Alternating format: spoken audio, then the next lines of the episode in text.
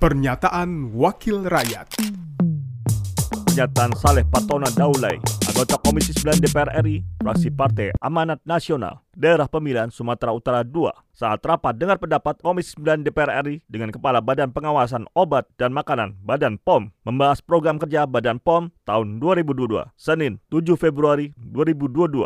Ya, ini menarik nih sebetulnya. Ternyata yang diperiksa itu dokumen kan. Ini dari dulu nih sebetulnya saya sudah menduga nih. Emergency use authorization ini keluarnya itu bukan karena memang barangnya sudah ada, tapi dokumen. Nah, dokumen ini mulai lagi pertanyaan berikutnya. Dokumen seperti apa? Dokumen penelitiannya, dokumen apanya gitu.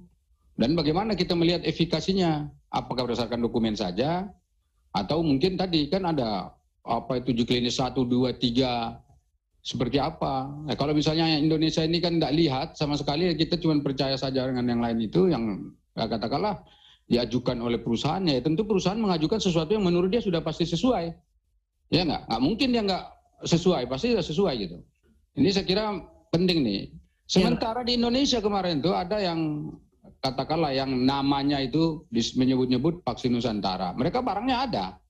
Diikuti lagi di apa namanya dimonitor bahkan waktu itu malah didampingi bahasanya itu ya Pak Melgi ya didampingi vaksin Nusantara oleh Badan POM dan juga uh, universitas dan juga oleh uh, salah satu apa itu rumah sakit gitu. Eh tapi nggak keluar ke emergency use-nya.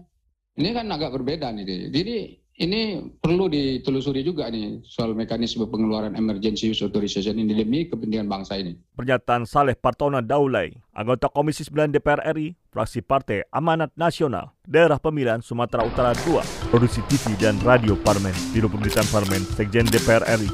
Pernyataan Wakil Rakyat